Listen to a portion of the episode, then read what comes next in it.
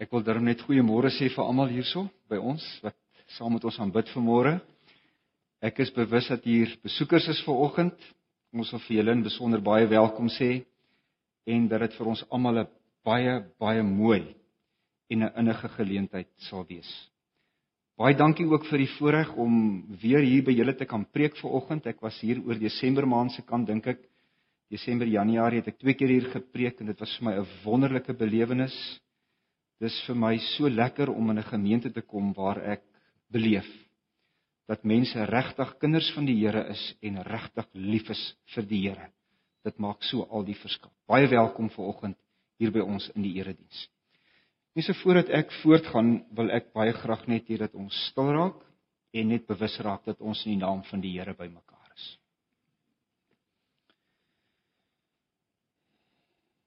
Here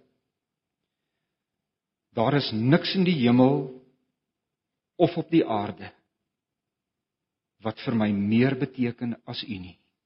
Niks. Daarom kom bely en erken ek ook dan ver oggend dat alles uit U is, deur U is en tot U is. En dis in U wonderlike naam, ons Vader, ons Seun en die Heilige Gees dat ons dan ver oggend hier by mekaar is. Amen. Liewe broers en susters, ek groet julle daarom ver oggend met die genade en die vrede van God ons Vader, sy wonderlike seun Jesus Christus oor wie ons net nou meer gaan leer deur die kragvolle werking van sy Heilige Gees. Voordat ons gaan saam lees vir oggend, wil ek graag hê dat ons onsself 'n bietjie moet indink in 'n bepaalde situasie in. Dit gaan dalk 'n bietjie vreemd voel, maar dit is iets wat nie onmoontlik sou kon wees nie.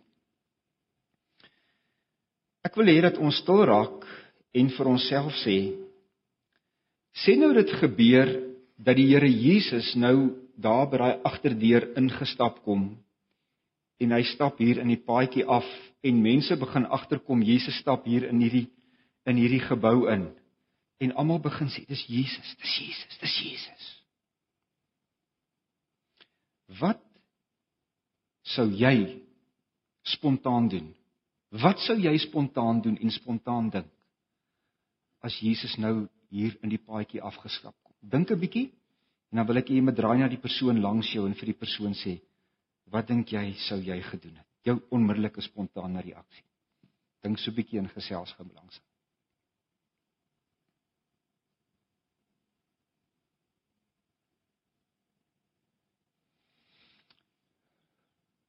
Goed. Ek dink ons sou 'n paar interessante antwoorde hier gekry het. Maar dit is nogal goed om baie keer jouself in te dink. Wat sou gebeur as Jesus nou hier sou instap? Nou ons gaan later in die boodskap daarna luister. Kom ons lees dan net saam uit Johannes 13. Johannes 13 want dit sluit aan by hierdie oefening wat ons nou net gedoen het Johannes 13 van vers 33 af. Johannes 13 van vers 33. Maar voordat ons saam lees, kom ons bid net saam.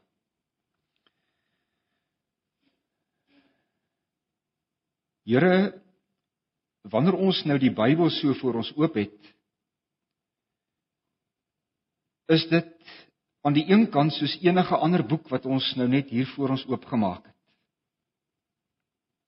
'n Boek waarin ons nou gaan lees en waar ons hopelik iets interessants gaan lees.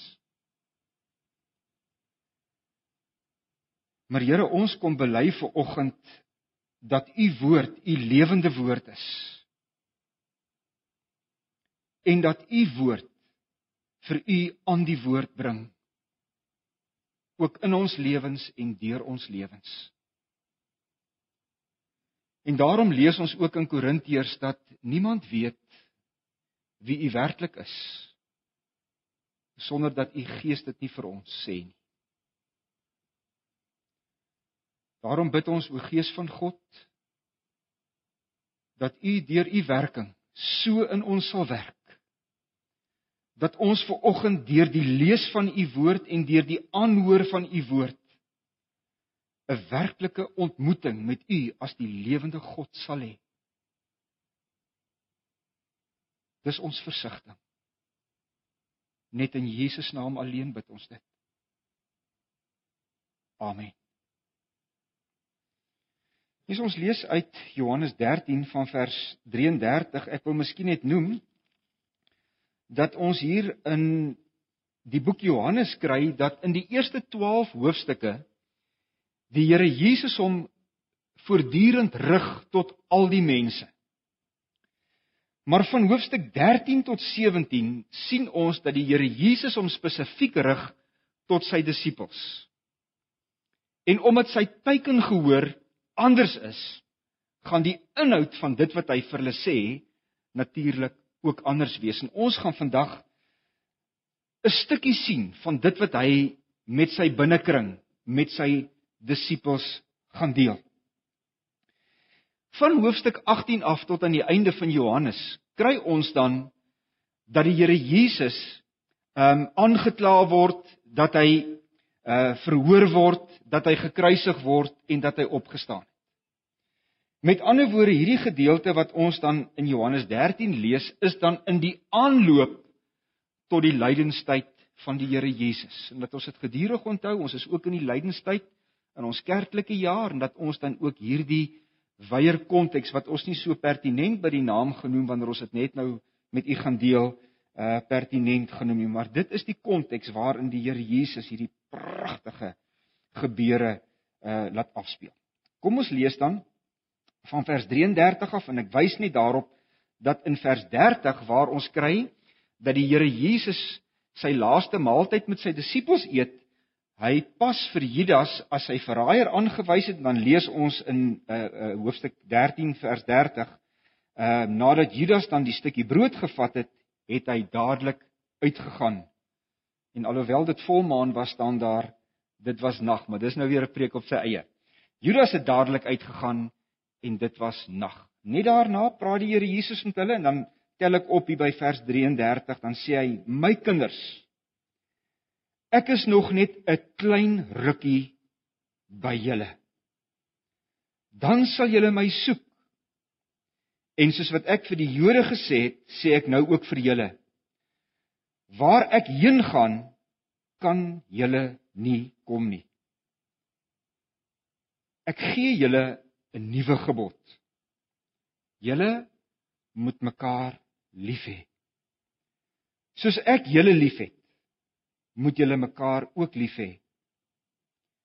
As julle mekaar liefhet, sal almal weet dat julle disippels van my is. Ons lees dan net tot sover.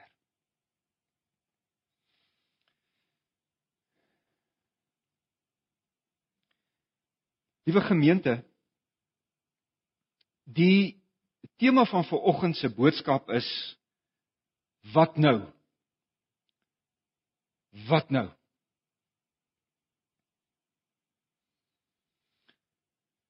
Daar is niemand niemand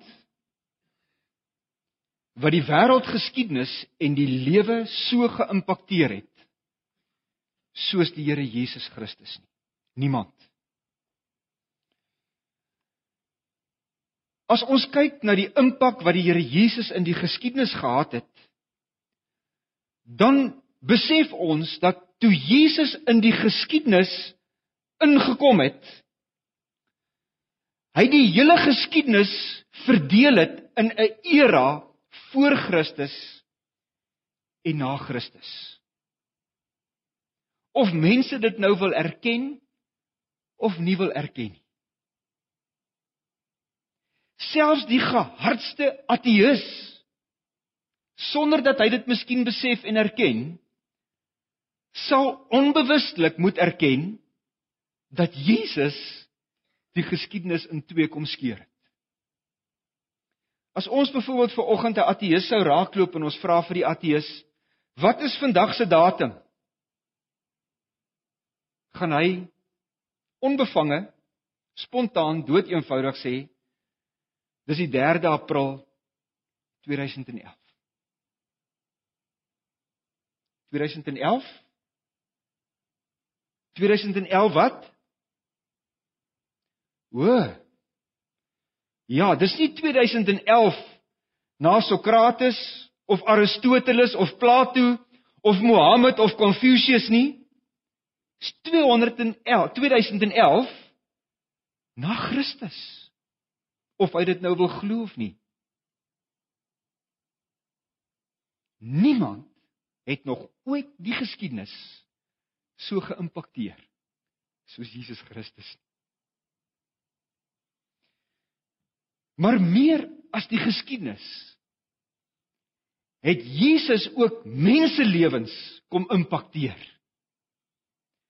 Want soos wat hy in die geskiedenis ingekom het en die geskiedenis verdeel het tussen 'n voor Christus en 'n na Christus era, so kom en wil Jesus ook inkom in 'n menselewe en wanneer hy dan in 'n menselewe inkom, dan bring hy ook 'n verdeling in jou lewe in in 'n voor Christus en 'n na Christus tydperk in jou lewe. En die rede hoekom hierdie impak groter is as sy impak in die geskiedenis is dat die impak wat hy in die geskiedenis gehad het, betrekking het op hierdie tydelike lewe waarin ek en jy staan. Terwyl die impak wat hy in 'n mens se lewe kom maak het nadat hy in 'n mens se lewe ingekom het, 'n ewigheidsimplikasie het. Want as 'n mens nog in 'n voor Christus fase van jou lewe is, dan is jy nog sonder Christus. En dan is 'n mens bestem om die ewige verdoemenis saam met Satan en sy bose magte in die hel deur te bring vir ewig. Maar as Christus in 'n mens se lewe ingekom het en ons dan ook 'n na Christus fase in 'n mens se lewe betree het, dan is ons nou bestem vir die ewige lewe om saam met Christus in sy persoonlike teenwoordigheid in die hemel deur te bring. 'n Ewigheidsimpak wat Christus in 'n mens se lewe kom maak. Ek herhaal net weer. Daar is niemand wat die geskiedenis, hierdie lewe of die ewige lewe so kom impakteer het soos Jesus Christus. Niemand.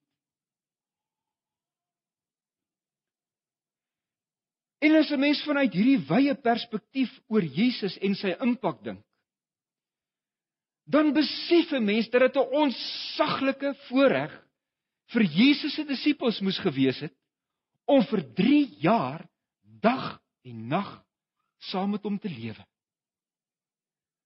Om 3 jaar dag en nag saam met iemand te lewe wat die geskiedenis en die lewe meer geïmpakteer het as enige iemand anders. Wat 'n onsaglike voorreg. En juist daarom Juist daarom moes dit 'n geweldige skok gewees het vir Jesus se disippels toe hy hier in die woorde van Johannes 13 vers 33 vir hulle gesê het: My kinders, ek is nog net 'n klein rukkie by julle. Hierdie Jesus wat so 'n onsaglike impak op sy disippels gemaak het, kom sê vir hulle Ek is nou nog net 'n klein rukkie by julle. Daar's baie mense wat 'n geliefde aan die dood afstaan en dit ontsettend moeilik vind om so om oor so 'n persoon se heengaan te kom. Party mense kom nooit daaroor nie. Party mense beweeg eintlik al in 'n stadige, gestadigde dood in nadat 'n wonderlike lewensmaat wat so groot impak op hulle lewe gehad het, nie meer daar is nie. Watter skok moes dit nie vir die disippels gewees het toe hulle by Jesus uiteindelik moes gehoor het dit is nou amper tyd dat ek nou weggaan nie. Hulle moes waarskynlik vir hulle self die vraag gevra het: Maar wat nou? Wat nou? Nou dat Jesus weggaan, en dat sy impak nie meer tussen ons gaan wees nie. Wanneer Jesus hulle dan aanspreek om vir hulle te sê dat hy weggaan, moet ons 'n pragtige ding raak lees en dit sê vir ons iets van die karakter van Jesus. Hy sê vir hulle: "My kinders, ek is nog net 'n klein rukkie by julle." In die oorspronklike Grieks staan daar: "My kindertjies," en dit is vir my so jammer dat dit in die Afrikaanse vertaling wegvertaal is. Want 'n mens gebruik 'n verkleinwoord as jy probeer aandui dat iets klein is of as of wanneer jy omgee vir iets of iemand of begrip het vir iemand. En wanneer die Here Jesus dan vir sy disippels sê, dis nog net 'n klein rukkie, dan is ek nie meer by julle nie. Dan sê dit met empatie, met begrip, met omgee omdat hy geweet het hoe hulle die impak van sy teenwoordigheid nou sou gemis het. Maar ons moet 'n wonderlike ding raak sien. Wonderlike ding wat ons moet raak sien. Net in die volgende vers, vers 34, sê die Here Jesus vir sy disippels: Ek gee vir julle iets. Ek gee vir julle iets. En kyk nou mooi, wat moet ons raak sien? Wanneer die Here Jesus vir sy disippels sê, ek gaan nou weg, dan sê hy vir hulle, maar ek kom nou vir julle iets in die plek daarvan gee. Ek gaan weg, maar ek kom gee vir julle iets in die plek daarvan. Wat sê Jesus kom hy nou vir hulle gee? Hy sê ek gee julle 'n nuwe gebod. Julle moet mekaar lief hê. Soos ek julle liefhet, moet julle mekaar ook lief hê. Dit moes in 'n sekere sin vir die disippels dalk vreemd op die oor geval het dat Jesus vir hulle sê dat hy vir hulle 'n nuwe gebod gee en as hy vir hulle sê wat die nuwe gebod is, dan sê hy julle moet mekaar lief hê. Want wat is nou so nuut aan hierdie nuwe gebod? In Levitikus 19 vers 18 het die Here vir sy volk in die Ou Testament al gesê, julle moet julle naaste lief hê soos julleself. En in die Nuwe Testament Wanneer die Here Jesus gevra word wat is die samevatting van die wet dan sê hy vir hulle ja jy moet die Here jou God lief hê met jou alles en julle naaste soos julle self. Om ander mense lief te hê is mos nou niks niets nie. Wat is dan nou so nuut hieraan?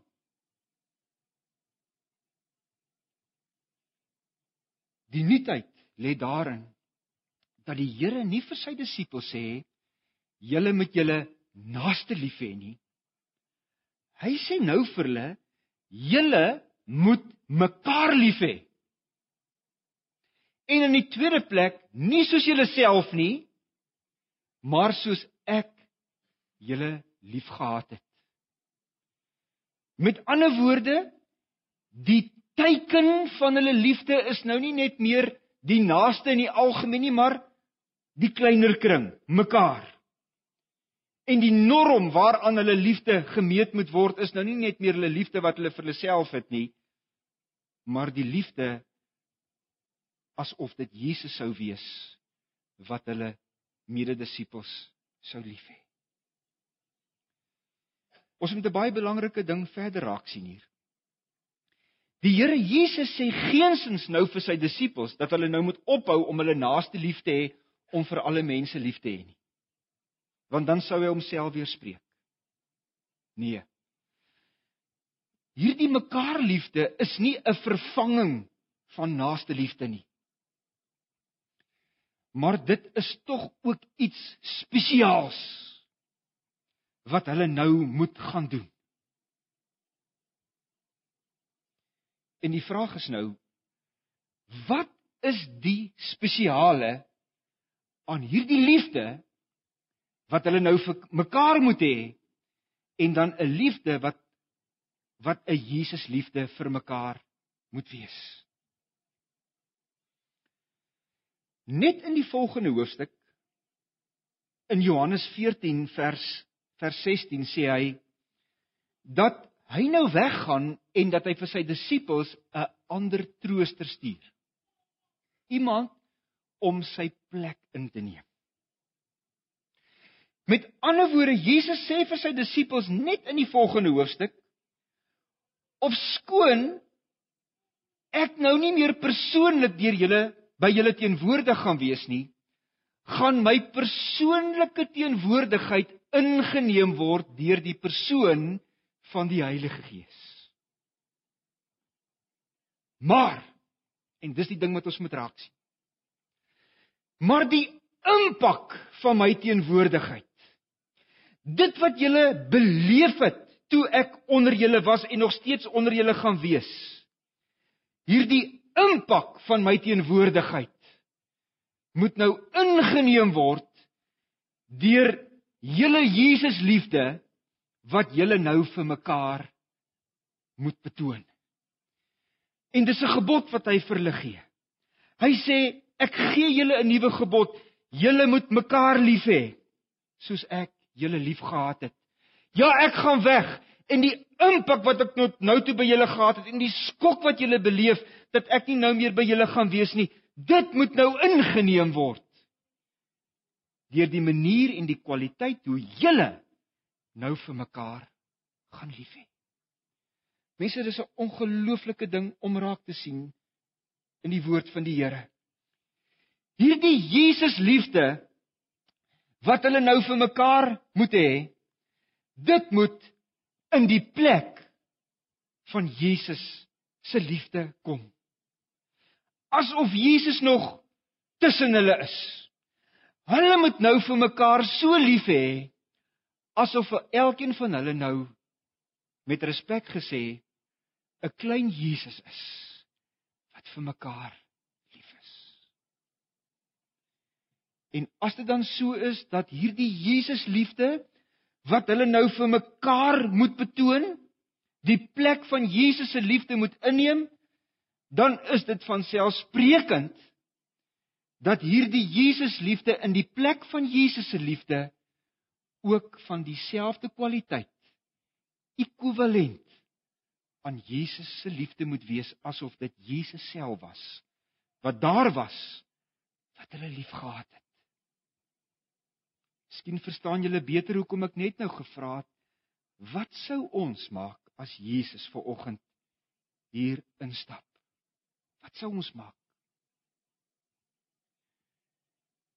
Vraag wat ek myself dood eenvoudig net afvra.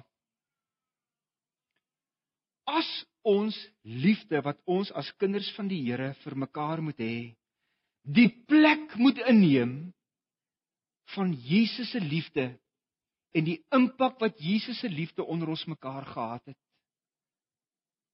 As ons ver oggend eerlik met mekaar moet wees, kan ons vir mekaar sê as ons as kinders van die Here by mekaar kom, is ons so by mekaar dat die belewenis wat ons onder mekaar het 'n belewenis is asof Jesus self in ons midde is. Asof dit is hoe ons teenoor ons medegelowiges sou opgetree het as ek self daardie oomblik Jesus met Jesus se liefde was. Weet jy dis vir my fascinerend as 'n ou hierdie gedeelte lees. Wanneer Jesus vir sy disippels sê ek gaan weg, maar ek gee iets in die plek daarvan vir julle, dan sê hy dit eers vir sy disippels nadat Judas pas uitgeloop nadat Judas pas uitgeloop. Jesus kon nie hierdie liefde tussen kinders van die Here verwag as Judas wat 'n ongelowige was as hy nog steeds daar is nie. Hierdie Jesus liefde wat ons vir mekaar moet betoon is alleen moontlik as ons self opreg kinders van die Here is. Baie interessant ook as 'n mens hierdie gedeelte lees as Jesus sê, "Julle moet mekaar lief hê soos ek julle liefgehad het," dan is die werkwoord wat gebruik word om hulle mekaar liefde teenoor mekaar uit te druk, 'n woord wat op 'n kontinuerende handeling dui. Nie net iets wat momenteel van tyd tot tyd ad hoc gedoen moet word nie, maar iets wat ons gedurig aanhoudend konsekwent teenoor mekaar moet uitloop. Kom ons kyk na die praktyk. Hoe lyk dit wanneer ons as kinders van die Here bymekaar is? Hoe lyk die gesig van die kerk? Hoe tree kinders van die Here teenoor mekaar op? Of dit nou by die huis is en of dit by 'n erediens is en of dit by 'n kerkraadsvergadering is, waar ook al. Hoe tree ons teenoor mekaar op? Tree ons teenoor mekaar op soos wat ons sou as ons mekaar met Jesus se liefde liefgehad het? Hoe dikwels gebeur dit nie dat mense sê hulle is kinders van die Here nie. En dan hulle vir dan tree hulle vir 'n rukkie soos 'n kind van die Here op. En dan nie daarna tree hulle op soos iemand wat glad nie die Here in hulle lewe het nie. Nie konsekwent nie, maar momenteel. Ad hoc. Die Here vermaan vanoggend vir ons dat sy plek onder ons ingeneem moet word deur ons aanhoudende, kontinuerende liefde wat ons aan mekaar moet betoon. Dis maklik wanneer dit in maklike tye gedoen moet word. Maar is veral moeilik wanneer dit in moeilike tye moet gebeur.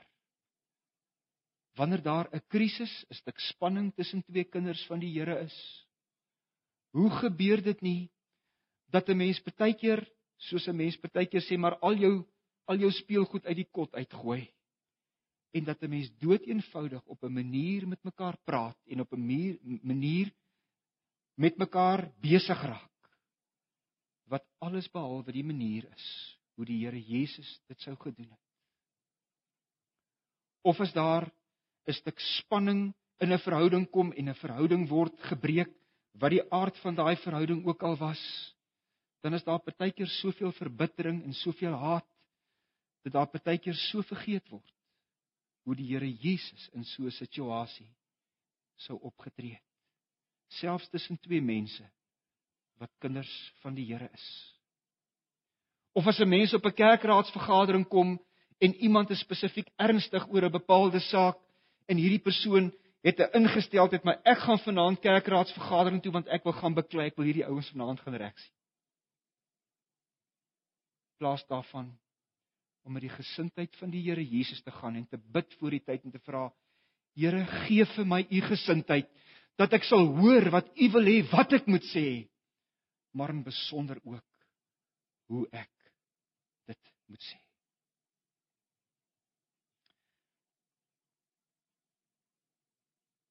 Die aard van die verhouding tussen kinders van die Here is partykeer van so aard dat 'n mens partykeer nie die verskil sien tussen mense wat kinders van die Here is en nie kinders van die Here nie. Partykeer is dit so skrikwekkend erg dat 'n mens 'n frase of 'n sin hoor soos die volgende wat ek by geleentheid by iemand gehoor het. Persoon het gesê ek het nog nooit soveel liefdeloosheid en soveel koue beleef soos in die kerk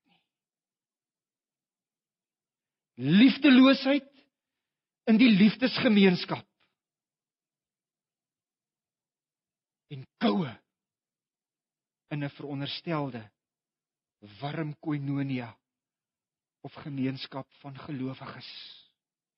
Hoeveel mense is daar nie wat uit gemeentes uitgaan omdat hulle sê dat hulle deur 'n krisis gegaan het en toe hulle die nabyheid en die warmte van medekinders van die Here nodig gehad het, het hulle net liefdeloosheid en koue gekry.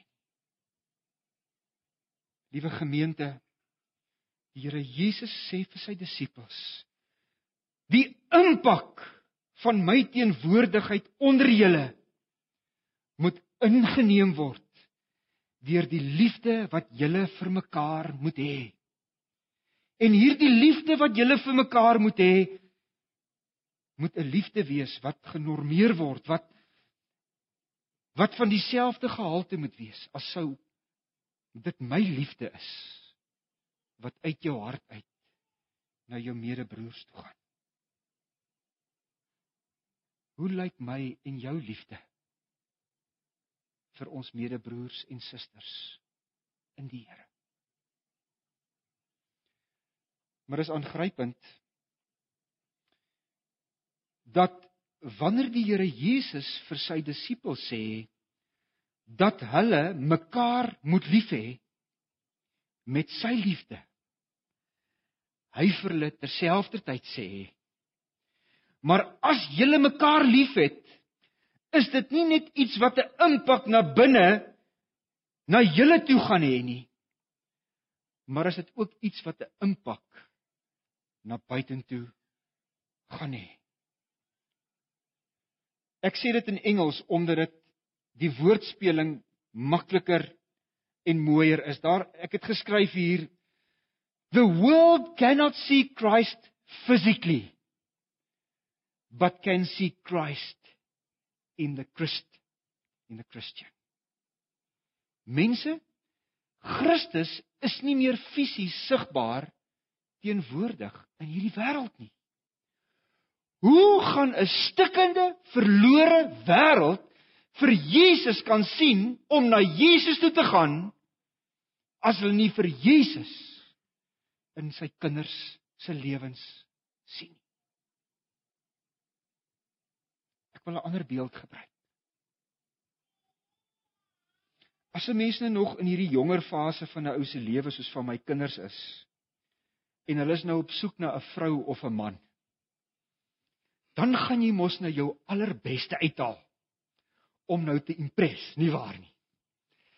Jy gaan die lekkerste reukwater gebruik as jy 'n vrou is. Ek ek hoor party van hulle noem dit my vrou noem dit first. Dit is nou 'n lekker reukwater. En jy gaan sorg dat jou hare mooi gedoen is. En as jy 'n man is, gaan jy ook miskien nou wat is hierdie goed wat die manne gebruik brood of ekko of ek weet nie wat se goed alles, maar jy gaan sorg en jy gaan sorg dat jou hare nou net mooi funky is en al die tipe van goed. Maar as jy onversorg is, as jy onversorg is, wie gaan na jou kyk? Genigtig. Dis mos 'n magneet wat mense aantrek, nie 'n voelverskrikker nie, nie waar nie. Magnete trek aan en voelverskrikkers jag weg. Hoe gaan die wêreld na Jesus toe aangetrek word? Deur kinders van die Here se liefde vir mekaar sê hierdie gedeelte. As kinders van die Here gedurig in spanning met mekaar leef en hulle beklei gedurig met mekaar. Watter ongelowige gaan 'n behoefte hê om na die Christus van die Christen toe te kom?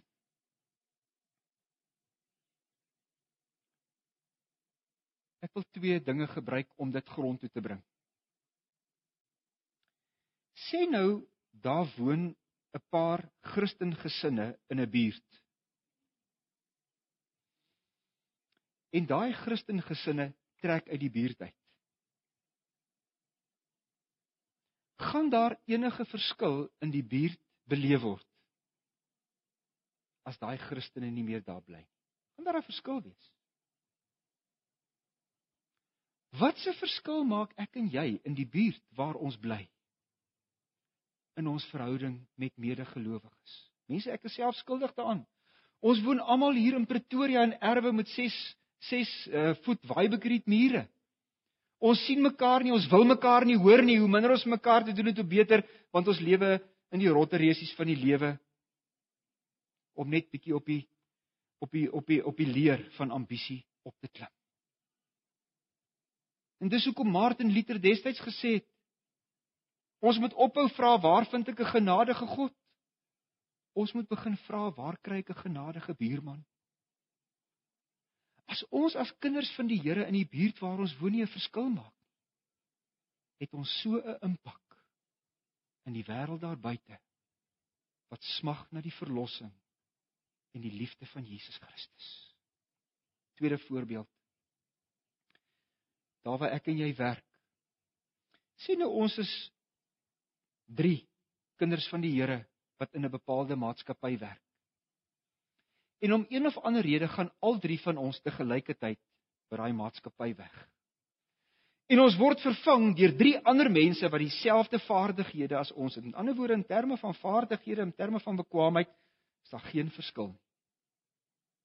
My vraag is die volgende: Gaan die maatskappy waar ek gewerk het die Jesus impak mis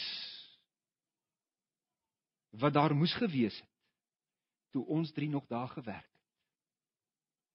Of gaan daar so verskil wees as ons weggegaan het?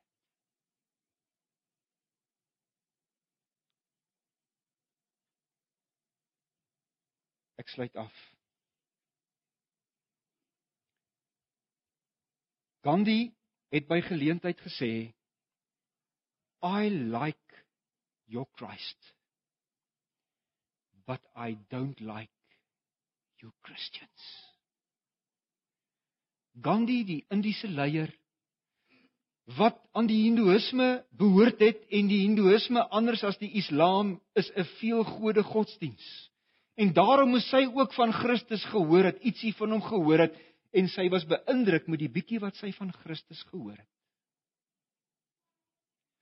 Maar toe sy na Christene gekyk het wat vir Christus teenwoordig moes stel om die gesig van Christus in die wêreld moes wees, het sy gesê I like your Christ but I don't like you Christians.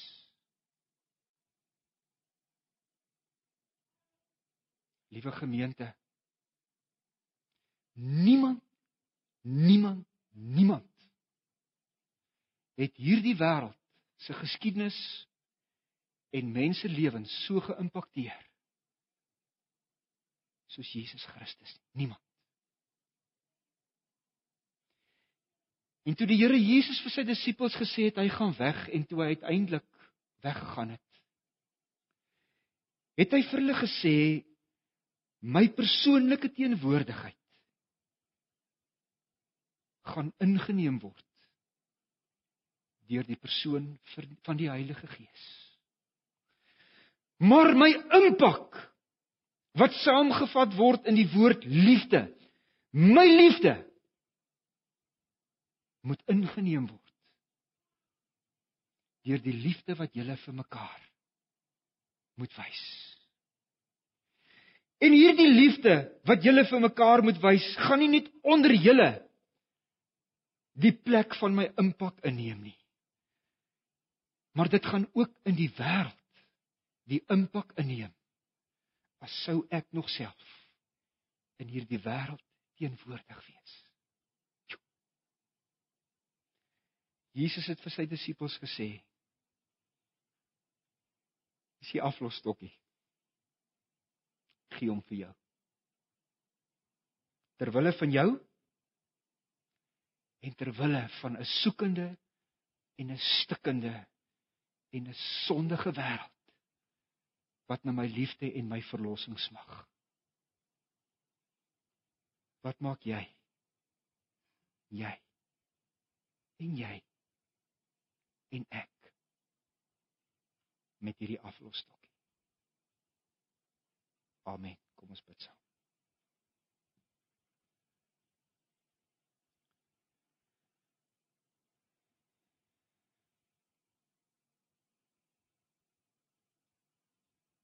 Here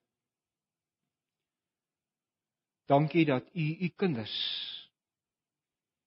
nie wees agtergelaat het nie maar dat U U Heilige Gees gegee het om U die plek van U persoon in te neem. Maar wat 'n ontdekking, amper 'n skokkende ontdekking om vanmôre dalk vir die eerste keer op so 'n manier te besef. Dat dit nie net u persoonlike teenwoordigheid is wat ingeneem is toe u weggegaan het nie maar dat die impak van u teenwoordigheid ook ingeneem sou en moes word. En niemand, niemand anders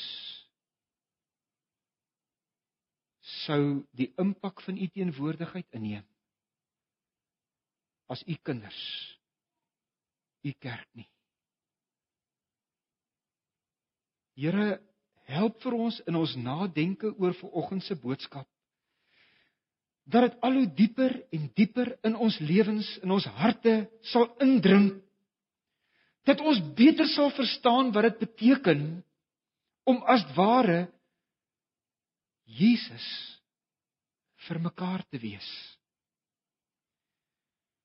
Nie net vir as kinders van die Here nie, maar dat dat ook vanuit ons lewe ons die gesig van Jesus na die wêreld toe moet draai.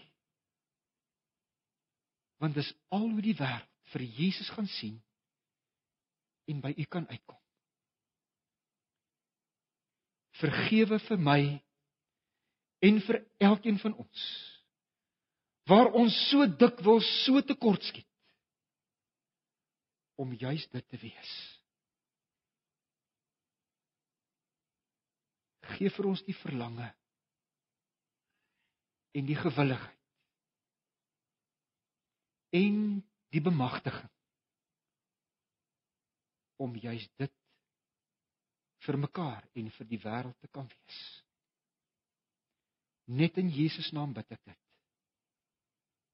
Amen.